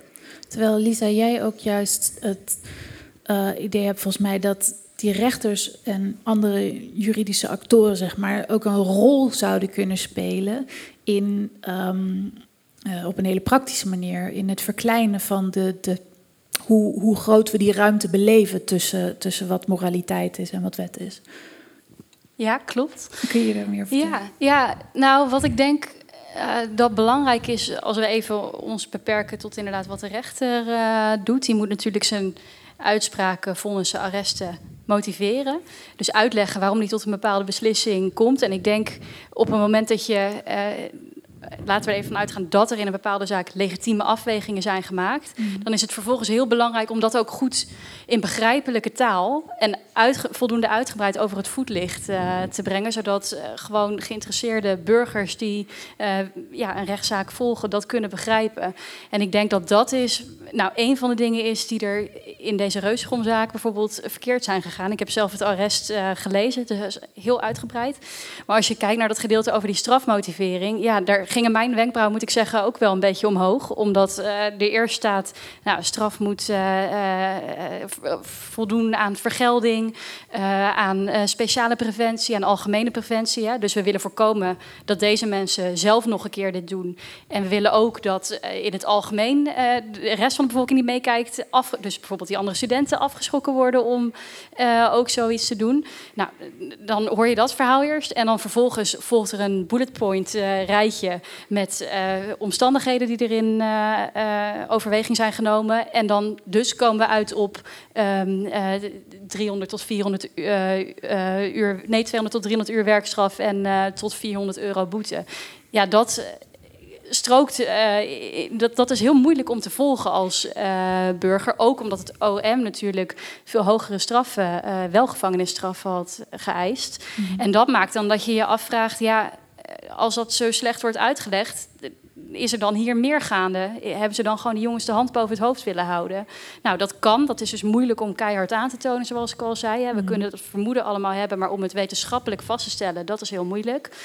Um, dus dat kan het geval zijn geweest. Als dat niet het geval is geweest, ja, dan hadden ze het hier echt veel duidelijker moeten uitleggen. Want op deze manier is heel begrijpelijk dat iedereen denkt: hoe kan dit? Ja, dus dat juridische taalgebruik is eigenlijk ook al op een bepaalde manier een uitsluitingsmechanisme.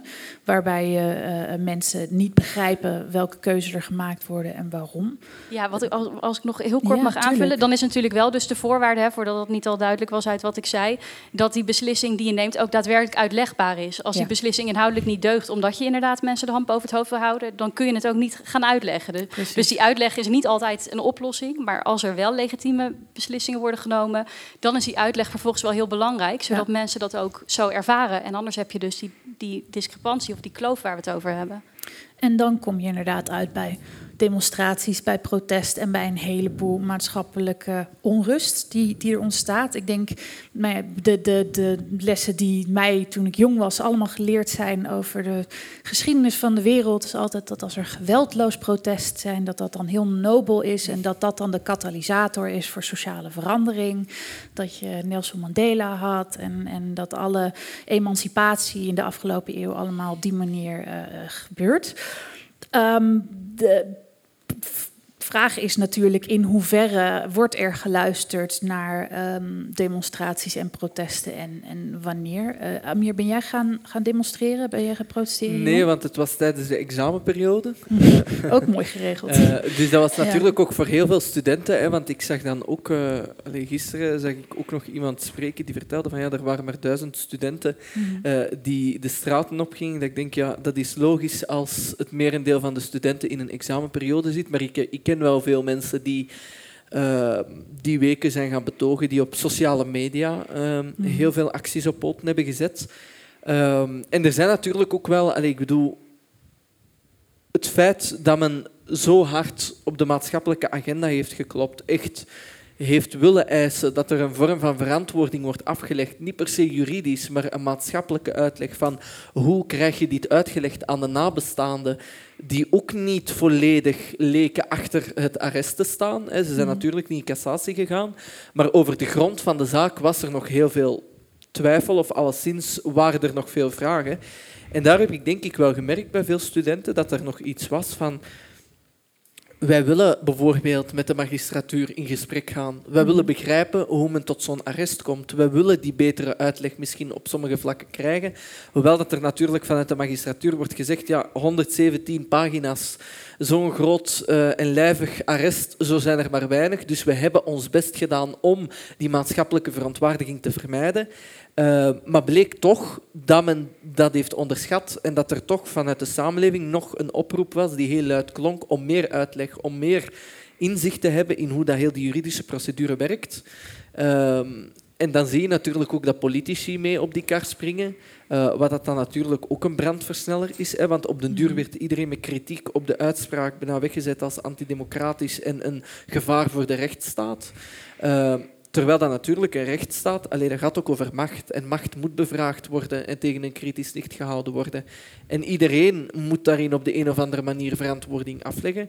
Dus die verontwaardiging as such was denk ik wel een goede vorm om te zien dat Allee, ik, ik, heb ook nog nooit zoveel studenten zich actief zien inlezen, of gewoon leerlingen, jongeren, over hoe dat zo'n juridische procedure in zijn werk gaat. Mm mensen die echt actief gaan opzoeken naar inderdaad wat zo'n verzwarende omstandigheid is, wat is een verzachtende omstandigheid, hoe verloopt die straftoemeting, hoe verloopt zo'n rechtszaak enzovoort. Er is wel een zaadje geplant in de samenleving, maar het is dan ook wel aan de politiek, denk ik, om uh, ja, daar toch effectief iets mee te doen. Mm en dat gevoel krijg je inderdaad alleen maar opgelost als Ehm, want ik blijf erbij, ik vind niet, ik, ik, ga zeker niet zeggen dat het een modelproces is, want ik ben ook niet de advocaat van de reuzengommers.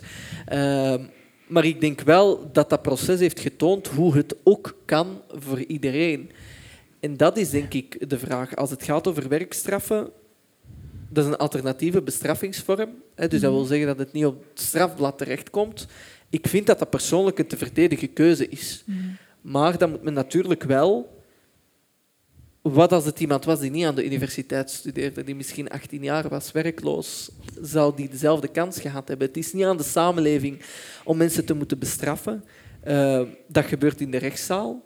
Uh, maar ik vind dat die mensen wel nog... Uh, iedereen moet de kans hebben om gereïntegreerd te worden. Mhm. En ik denk dat daarin van, vanuit de kant van de reuzengommers misschien een fout geweest is, puur communicatief, dat er niemand naar voren is getreden en oprecht heeft gezegd ook van kijk, ik, ik schaam mij voor wat dat er hier is gebeurd. Was die communicatie er geweest, denk ik dat de woede die de samenleving had misschien iets minder hard was geweest. Of, of ik hoor wel dat er ook dus veel uh, politici waren die dus nou ja, meesprongen op nou ja, die verontwaardiging die, die, die er was. Dus heb je dan het gevoel dat de, dat de protesten effect hebben gehad? Dat je voel je gehoord? Dat...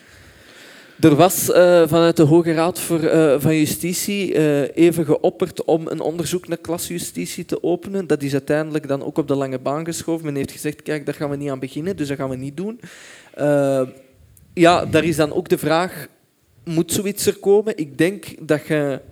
Allee, het kan alleen maar in je voordeel spelen als je die transparantie geeft aan mensen, als je het onderzoekt en je geeft die resultaten open en bloot weer.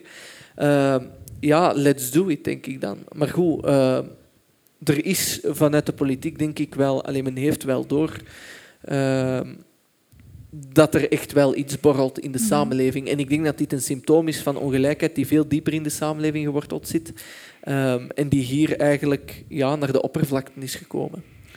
Wat je dus aan de andere kant ook zag, is dat een van die verzachtende omstandigheden die genoemd werden in uh, deze zaak, was juist, ze zijn eigenlijk al genoeg gestraft door alle maatschappelijke aandacht, alle media-aandacht. Dus dat is een reden om uh, ze minder straf te geven. Is dat een overweging die uh, rechters vaker meenemen? Of hoe zie jij, Lisa, dat, dit, dat demonstraties uh, invloed hebben op.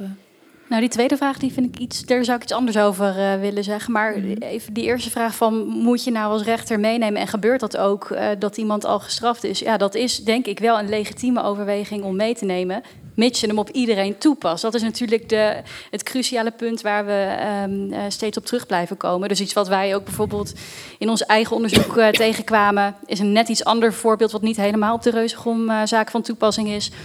Uh, maar is, uh, als je het hebt over verdachten uh, die bekend zijn. Hè, dus in mhm. Nederland hebben we allerlei MeToo-misstanden gehad met bekende Nederlanders. Um, ja, die zaken die moeten volgens mij allemaal nog voor de rechter komen. Maar meer in het algemeen houden rechters er wel rekening mee, of kunnen ze er rekening mee houden dat zo iemand uh, ja, een maatschappelijke val uh, ook uh, zal ondergaan, zeg maar, op het mhm. moment dat hij bestraft wordt. Maar eigenlijk al op het moment dat, dat natuurlijk de zaak in de media komt en dat iemand daarmee in feite al gestraft is. Dat is natuurlijk wel een matigingsgrond, zeg maar, waar alleen mensen uit de hogere sociale klasse, in die zin dat ze bekend zijn, hè, dat is een vorm van sociaal kapitaal.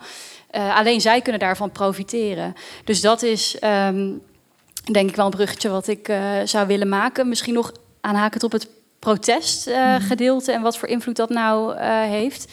Ik denk, volgens mij sluit dat aan bij wat jij ook zegt. Ja, de protest moet in eerste instantie vooral de wetgever uh, bereiken. voor zover aanpassing van de wet een oplossing is van het probleem. Dat is natuurlijk niet voor alle uh, situaties het geval.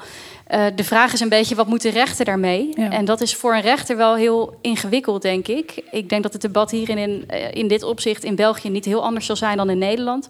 Namelijk dat de rechter aan de ene kant um, niet in een ivoren toren wil zitten. Die wil weten wat er speelt in een samenleving. Um, uh, het is belangrijk dat, dat hè, rechtspraak midden in de samenleving staat, daar niet van losgezongen is. Maar aan de andere kant moet een rechter ook weer niet, wat jij aan het begin van het gesprek uh, vertelde, met alle maatschappelijke winden uh, meewaaien. Rechters worden juist ook heel erg gewaardeerd doordat ze zich autonoom en onafhankelijk uh, opstellen. Dus er zit een spanningsveld um, in. Dus dat maakt denk ik de rol van de rechter in deze lastig. En dat is denk ik een van de redenen waarom dat protest vooral bij uh, de wetgevende en de uitvoerende macht uh, terecht zou moeten komen. Want dan is er natuurlijk nog een ander mechanisme in de maatschappij. Wat de bedoeling is dat nou ja, zodra er een te grote spanning ontstaat tussen dat gevoel van moraliteit enerzijds en, en recht en, en de wet anderzijds. En dat is dan de rol van de journalistiek. Het wordt in de VS ook de Fourth Estate genoemd, met het, juist het idee dat uh, het ook heel erg de rol heeft van nou ja, in de pels en uh, het aankaarten van misstanden en het controleren van de macht. Um, vraag aan jullie alle, ik weet niet of wie er zich eraan wil branden, maar uh, hebben jullie mening over de rol van de journalistiek in de zaak uh, Dia en hoe hiermee om is gegaan? Nou ja, ik wil nog wel iets zeggen over deze avond zelf. Oh. Omdat um, ik vind het een, een, hele mooie gedachte dat, dat uh, de rechtsstaat eigenlijk ontzettend gediend is bij de commotie eromheen. Omdat iedereen zich ermee gaat bemoeien en de studentenrechten gaan stukken lezen. En ik geloof dat we eh, nu inmiddels allemaal een soort verklaring van abolitionisme hebben afgegeven. Dat we allemaal niet zo enorm voorstander zijn van zwaar straffen. Um, en zolang dat maar voor iedereen geldt, dat je een beetje uh, voorzichtig met, met, uh, met dat strafrecht omgaat. En ik heb eigenlijk altijd de gedachte dat idealiter in een rechtszaal niet een straf wordt uitgedeeld, maar dat je met elkaar om gedrag heen gaat zitten en dat je bespreekt met elkaar wat je daarvan vindt en, en hoe het anders moet en dat je in het vervolg dit anders gaat doen. Um, en dat is natuurlijk de werking van zo'n avond als dit ook. Uiteindelijk uh, kom je allemaal bij elkaar. En dit is ook de werking van de democratie, maar het is ook de werking van de rechtsstaat. Omdat je met elkaar bespreekt van hoe werkt dat recht, wat vinden we daarvan, wat willen we ermee en, en hoe willen we daar voorwaarts mee. En dat zou in de media ook kunnen gebeuren, waar het niet dat de media over het algemeen het meest geïnteresseerd zijn in schuldigen en, en, en, en strafbaarheid. Um, maar ik denk dat het zelfs een functie is van de roman om gedrag op tafel te leggen en in leesclubs met elkaar te bespreken wat, wat vinden wij nou eigenlijk van menselijk gedrag. En uiteindelijk is de bedoeling natuurlijk is dat je niet allemaal blijft hangen in pathologie, dat we allemaal alleen maar misdaden en overtredingen bij elkaar aanwijzen, maar dat je ook uh, bedenkt wat, wat, wat is eh, het meest wenselijke gedrag, zodat je dat kunt beschrijven en weet wat je in het vervolg moet gaan doen. Um, dus ik denk dat de, dat de media die rol zouden kunnen hebben door, door zeker in dit soort zaken uh, goed duidelijk te laten zien wat, wat, wat gaat hier nou eigenlijk precies mis, los van wat je daar strafbaar vindt of hoeveel straf of te weinig of te veel. Maar uh, wat is hier nou eigenlijk onprettig geweest en hoe zouden we het liever anders hebben? Dan gaat het natuurlijk niet alleen om de feitelijke verslaggeving en de manier hoe dat wordt gedaan, maar dus met name ook om analyse en uh, debat en met elkaar daar nou ja, in gesprek gaan over wat wenselijk is. Nee, ja, eh, een, een, een, een, rechter is, een, is een, een van de instituties van de democratie en de pers is dat ook, vrije pers. En dat dient kritisch te zijn, maar de rechter is, is denk ik onze meest verstandige stem in de, in de staat. En het is op zich heel verheugend om te zien dat, dat toch iedereen daar nog steeds eh, dat ook zo ziet en daarmee in gesprek is en de kritiek oplevert, maar toch nog wel meegaat in wat daar precies gebeurd is en ook uitleg vraagt van we snappen het nog niet, uh, mm. vertel het eens. Een andere aspect dan is natuurlijk dat de, de rol van de journalistiek in die analyse eigenlijk dan ook mee moet nemen. En dan vragen we dus eigenlijk aan een nou ja, instituut om uh, zichzelf uh, te analyseren en zichzelf te reguleren. Uh, het idee is natuurlijk dat de manier hoe er om verslag wordt gedaan van een zaak als dit, dat daar bepaalde ethische regels zijn. Wanneer je wel of niet iemand met naam en toenaam noemt, waarom. Wanneer je bepaalde zaken wel belicht, wat relevant is, waarom niet. Um, de, daarin zit natuurlijk aan de ene kant die vraag van oké, heeft de media tanden, kan die inderdaad macht aankaarten, maar aan de andere kant ook wanneer ontstaat er dus een trial by media. Ehm, en ik wilde eigenlijk jou daar een, een vraag aan meer, want je hebt hier ook een eigen ervaring in die eigenlijk best wel relevant is, um, waarin uh, journalisten niet voorzichtig om hmm. zijn gegaan met jouw identiteit. Kun je daar meer over vertellen wat er gebeurd is? Uh, ik, ik, denk dat dat natuurlijk uh, de vraag altijd is in hoeverre dat je daar als uh, betrokken persoon of zo echt nadien een uh, conclusie over kunt geven of je mening erover kunt delen. Mm -hmm. uh, omdat ik natuurlijk vind dat het in de zaak Sanadia vooral over Sanadia zelf moet gaan en over de nabestaanden. maar het is natuurlijk de redactionele vrijheid die op zulke vlakken speelt en dat je natuurlijk merkt dat als je een maatschappelijke functie vervult of iets in het publieke debat doet, uh, dat daar natuurlijk het maatschappelijk belang dan volgens de Raad van de Journalistiek, die dan een bepaalde code uitdraagt, sneller verantwoord waarom bepaalde bekende figuren uh, in bepaalde feiten wel uh, worden vermeld. Dat hebben we ook gezien in de zaak Conor Rousseau, waar dat er mhm. tijdens een geheim gerechtelijk onderzoek, of nog geen gerechtelijk onderzoek, maar alleszins een vooronderzoek dat eigenlijk geheim is, uh, dat daar zaken worden gelekt naar de media en waar dat er na grondig onderzoek blijkt te zijn dat er heel weinig aan is van, uh, of, of waar blijkt te zijn van een aantal uh, ja, aantijgingen die gaan over grensoverschrijdend gedrag. Dus ik denk daarin dat er wel vanuit ook de samenleving op een bepaald moment aan de media werd gevraagd, ja, waar zit die lijn dan? Welke lijn bewaakt zo'n redactie om te zeggen van kijk, in deze zaak kiezen we enkel voor de initialen, in deze zaak mhm. kiezen we enkel voor de foto, in deze zaak kiezen we voor de voornaam um, en een initiaal voor de achternaam. In andere zaken brengt men dan de volledige naam. Uh, soms brengt men dan helemaal geen naam en wordt er enkel een vage beschrijving gegeven van bijvoorbeeld een 25-jarige man die er uh, in Antwerpen woont of zo. Uh, dus dat is denk ik wel, ook daarin uh, zijn de media misschien wel op de proef gesteld. Uh, en we horen ook vanuit verschillende mediaredacties dat daar toch een hevig debat over is geweest op redacties. Want even om, om soort van te verduidelijken, bij in jouw geval werd, wat ik begrijp, was er iets in jouw familie mm. afgespeeld, wat dan reden was om jouw naam mm. wel gewoon volledig te mm. noemen. Dat, je, dat dat een familielid was van jou. Uh, heeft iemand ooit aan jou uitgelegd wat daarom de keuze was om dat in jouw geval wel te doen? Goh, nee, specifiek niet, maar ik vermoed dat daar vooral het gegeven van uh, wat men dan zogezegd publiek figuur noemt, uh, zal spelen. Maar daar is dan inderdaad ook de vraag in welke fase moet je zoiets brengen. Doe je dat bijvoorbeeld tijdens een gerechtelijk onderzoek dat nog lopende is? Doe je dat dan meteen uh, bij, uh, of, of doe je dat pas wanneer dat het proces is afgelopen? Ja. mensen zeggen dan van nee, want er, moet een gewichtig, allez, er is een gewichtig maatschappelijk belang en mensen moeten weten wat dat daarover gebeurt. Dus daarin is het altijd heel moeilijk omdat je denk ik het anon... Allee, ik, ik vind zeker dat de keuze om de naam van Reuzengommers niet te brengen te verdedigen is. Maar ook weer al daar... Je, je ziet gewoon soms... Uh, allee, soms zie je dan ook slachtoffers die bijvoorbeeld al overleden zijn. Uh, recent was er bijvoorbeeld afgelopen week een jongere die uh, in de nachtclub Icon in Antwerpen dan was gestorven, waar dat er dan uh, na zijn steekpartij, waar dat hem is neergestoken, een foto verschijnt van de jongen in een artikel. En dat je dan kunt denken van ja, moet die foto daar dan op staan van iemand die al gestorven is, omdat die dan potentieel betrokken was in een of andere steekpartij. Dus daarin is het denk ik wel soms nog de vraag uh, waarom worden bepaalde keuzes gemaakt. En ik denk dat de media daarin wel, uh, sommige media hebben dat op een heel goede manier gedaan en hebben heel duidelijk gezegd van kijk, dit is waarom dat we het in het geval van Reuzegom niet, doet, mm -hmm. niet doen. Um, maar inderdaad, ook daar hè, verwijst de media naar het feit dat elke zaak anders is en dat elke zaak een ander maatschappelijk belang heeft. Dat de ene keer wel kan verantwoorden waarom men de naam brengt. Hè, want bij minderjarigen gaan men nooit, hè, dat is eigenlijk de regel, dat men dat sowieso niet doet. Um, dus het hangt ook heel erg af van het misdrijf. Hier werd er bijvoorbeeld ook weer al gezegd, want daar zit je weer al in die redenering.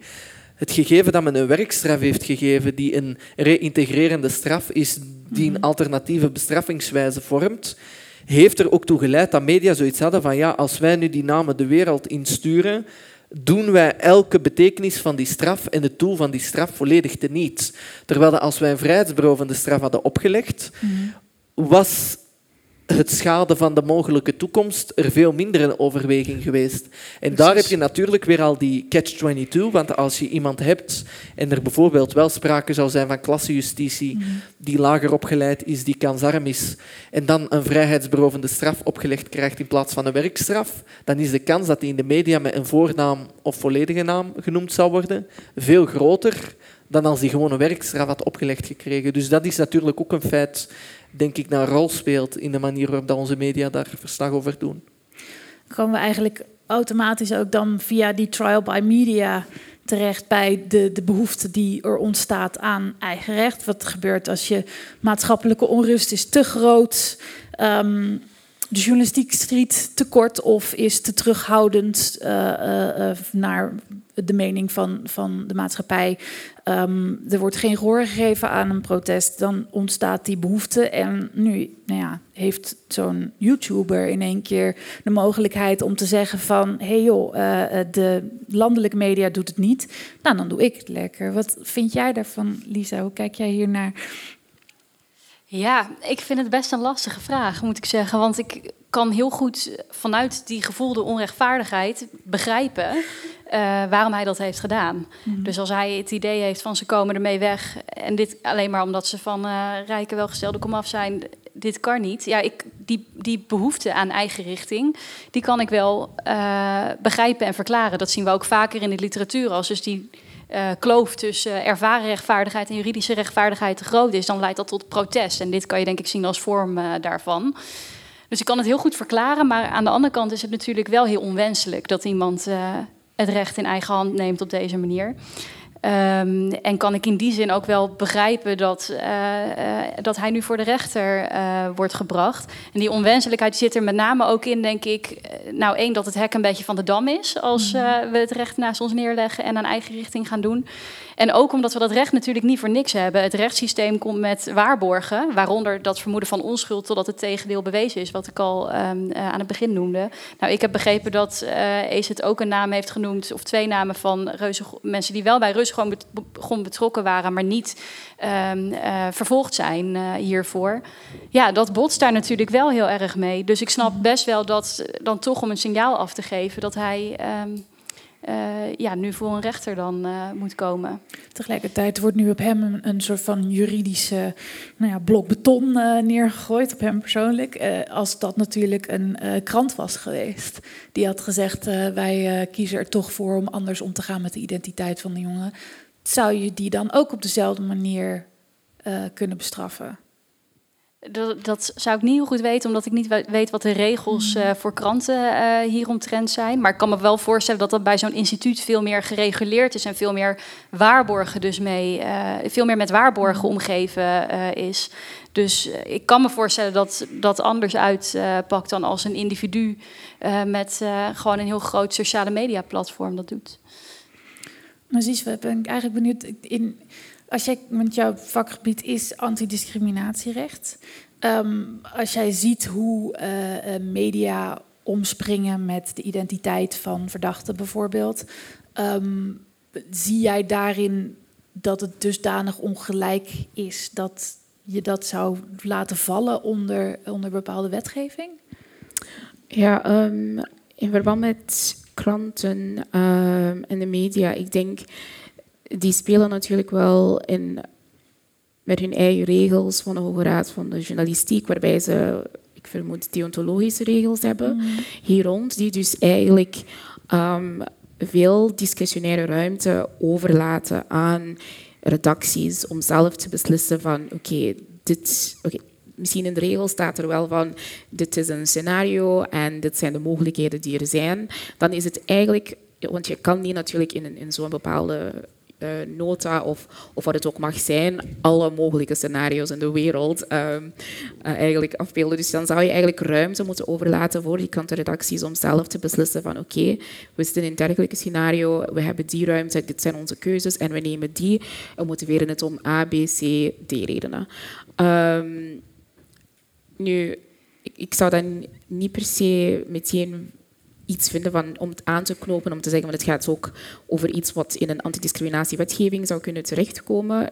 Eén, omdat alles wat met media enzovoort ja, dat kan je niet zomaar in een antidiscriminatierechtszaak eh, brengen, omwille van natuurlijk die vrije pers enzovoort. Dus dat is wel moeilijker. Maar ik denk dat het vooral dan een kwestie is van media die, zichzelf, die, naar, zichzelf moet kijken en heel eerlijk met zichzelf zou moeten zijn. En, um, en eerlijk zien of ze ook hebben gekeken naar het feit inderdaad van het zijn jonge mannen, uh, ze hebben nog een heel leven voor zich. Inderdaad, uh, het is een werkstraf met het oog op um, het feit dat ze dan in de toekomst hun leven zouden kunnen herpakken. En, en, dan is het eigenlijk voor hen om zichzelf, voor zichzelf uit te maken of ze dat ook bij iedereen doen die, mm. die in een niet gelijkaardige, maar toch ongeveer gelijkaardige situatie zitten.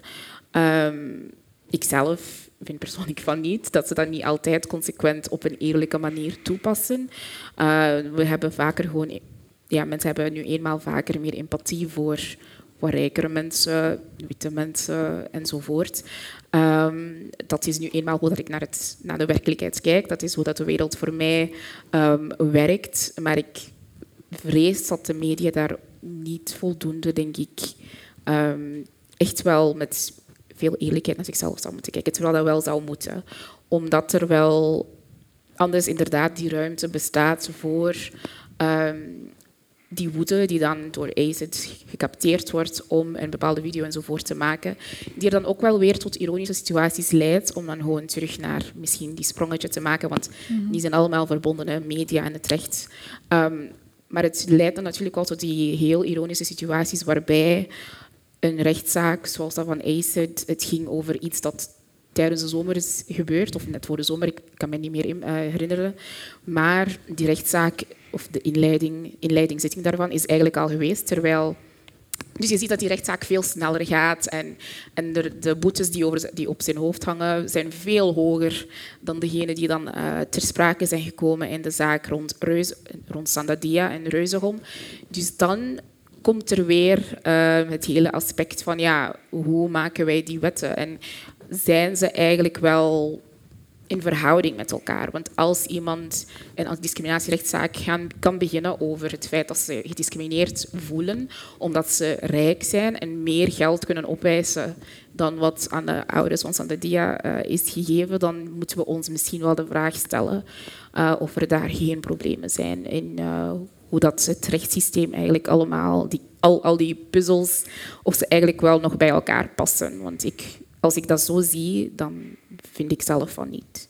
Dan voelt de proportionaliteit alsof die niet meer klopt in hoe hard er repressie is ten opzichte van eigen richting, ten opzichte van hoe hard er repressie was of consequenties waren in eerste instantie voor uh, het onrecht.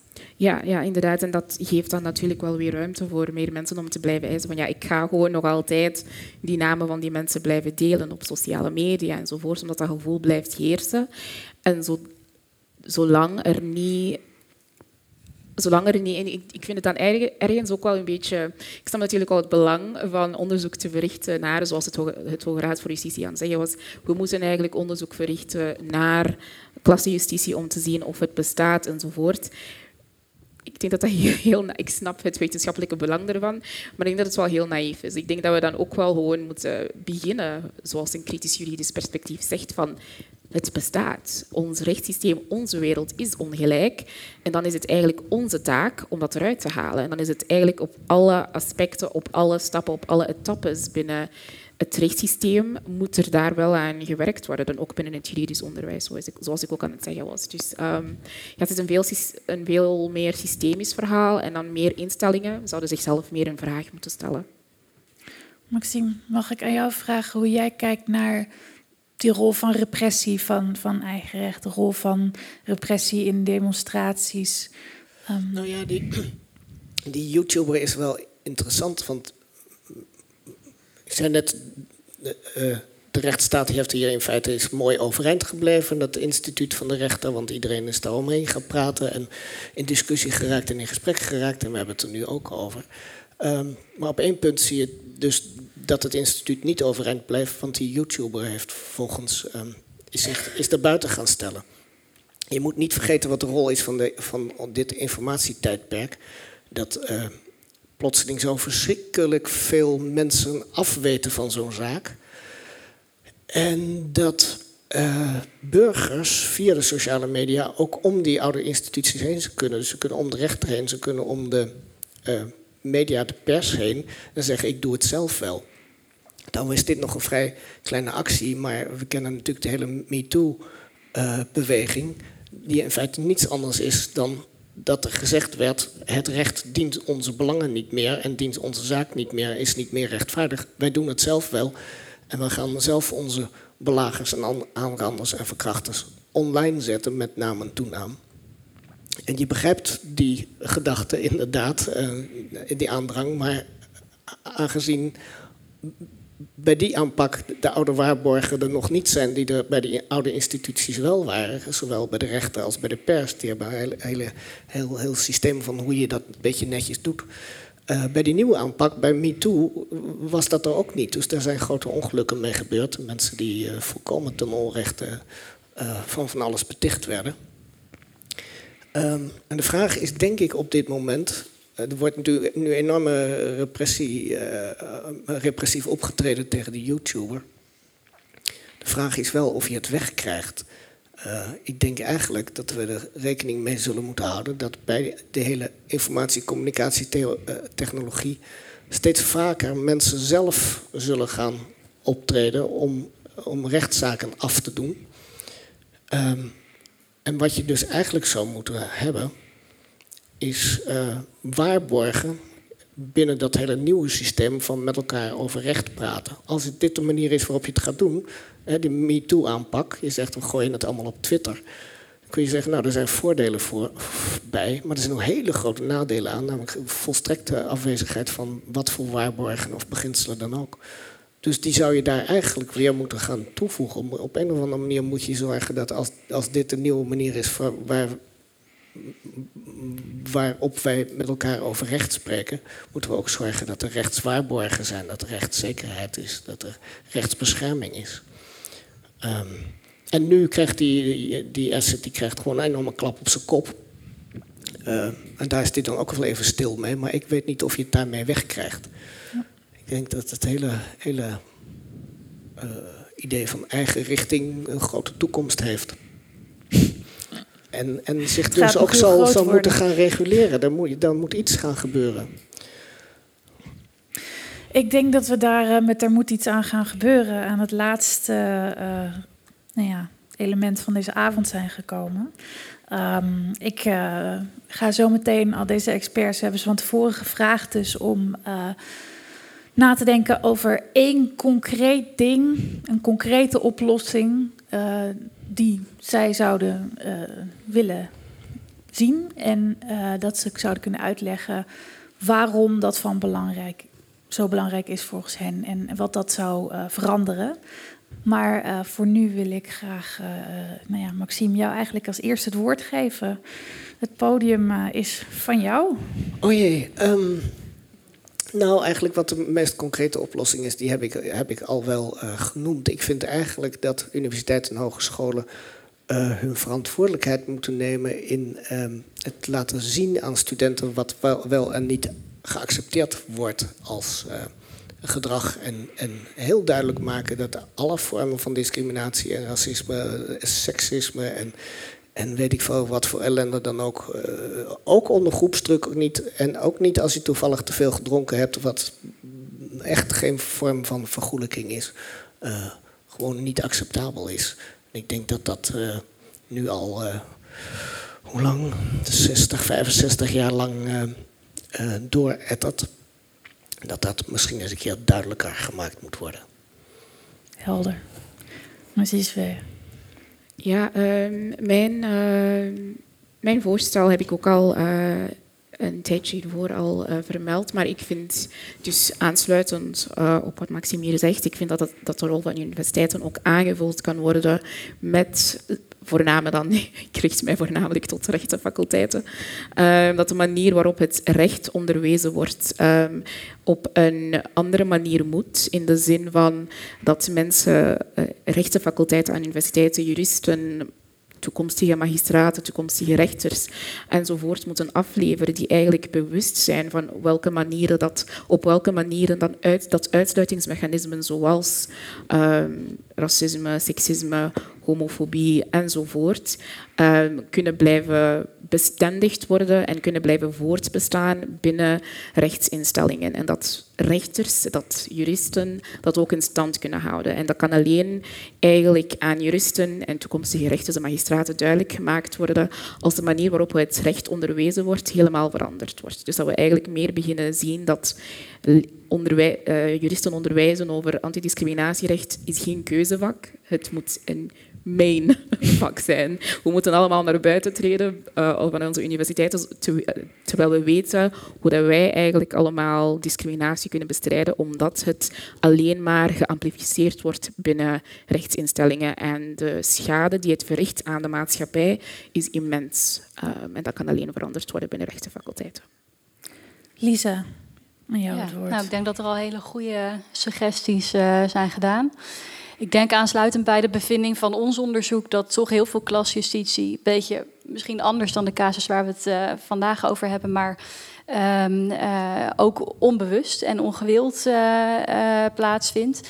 En juist ook ontstaat uit um, een gebrek aan kennis eigenlijk over de leefwereld van uh, veel verdachten, die vaak uit heel andere sociale milieus, uh, vaak ook andere etnisch-culturele achtergronden hebben dan uh, rechters. Een beetje vanuit die bevinding gedacht is denk ik een logische suggestie om de pogingen die er overigens al wel in ieder geval in Nederland en ik vermoed dat dat ook in België zo zal zijn, gedaan worden om diversiteit te bevorderen, dat die heel belangrijk zijn. En dan heb ik het niet alleen over dus etnisch-culturele diversiteit, die zeker ook.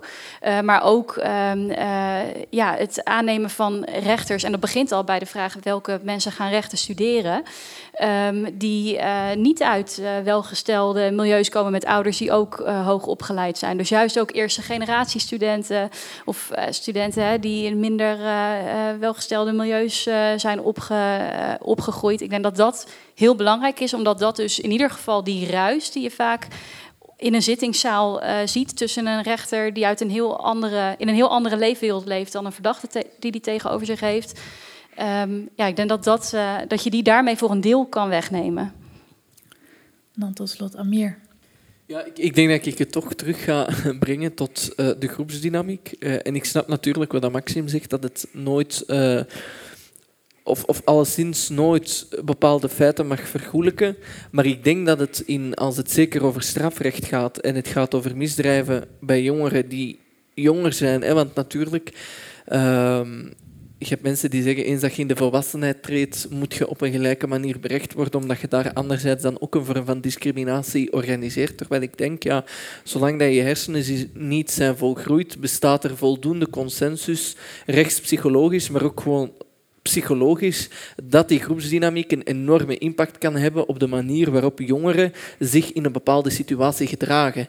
En ik denk dat als je dan als rechter, als magistraat, uh, of dat je nu zittend staande magistraat bent, uh, op zo'n moment wel inzicht moet krijgen in die groepsdynamiek om te kunnen begrijpen waarom Zeker als het gaat over bijvoorbeeld diefstallen in groep enzovoort. Hoe het komt dat bepaalde jongeren meer vatbaar zijn voor die groepsdynamiek. Heeft dat inderdaad een rol gespeeld in dat misdrijf? Omdat je ook op die manier, denk ik, aan een echte vorm van preventie kunt doen. Uh, omdat een groep heel negatief kan werken, maar ook heel positief. Groepsdruk kan er soms ook toe leiden dat mensen juist bepaalde grenzen niet gaan overschrijden. Omdat dat een vorm van sociale controle installeert. En daarom denk ik dat inzicht krijgen, meer inzicht in hoe dat jongeren ook in concrete gevallen tot een bepaald misdrijf overgaan. Zeker als het in groep gaat, of het nu jongeren zijn die parasols gooien naar de politie in Blankenbergen, of jongeren uit de stad die verkoeling opzoeken in een zwembad en het daar is durven bond te maken. Iedereen zou dat recht moeten krijgen om zo'n proces te kunnen analyseren. Helder. Ik wil jullie van harte danken allemaal voor jullie aanwezigheid en voor jullie aandacht. Maxime Februari, Nozize Doube, Lisa Ansens, Amir Bashrouri. Dank jullie wel. De buren. De buren. Je luisterde naar een podcast van De Buren. Vlaams-Nederlands Huis voor Cultuur en Debat. Benieuwd naar meer? Luister ook naar onze andere verhalen en registraties. En ontdek ons podiumprogramma op deburen.eu.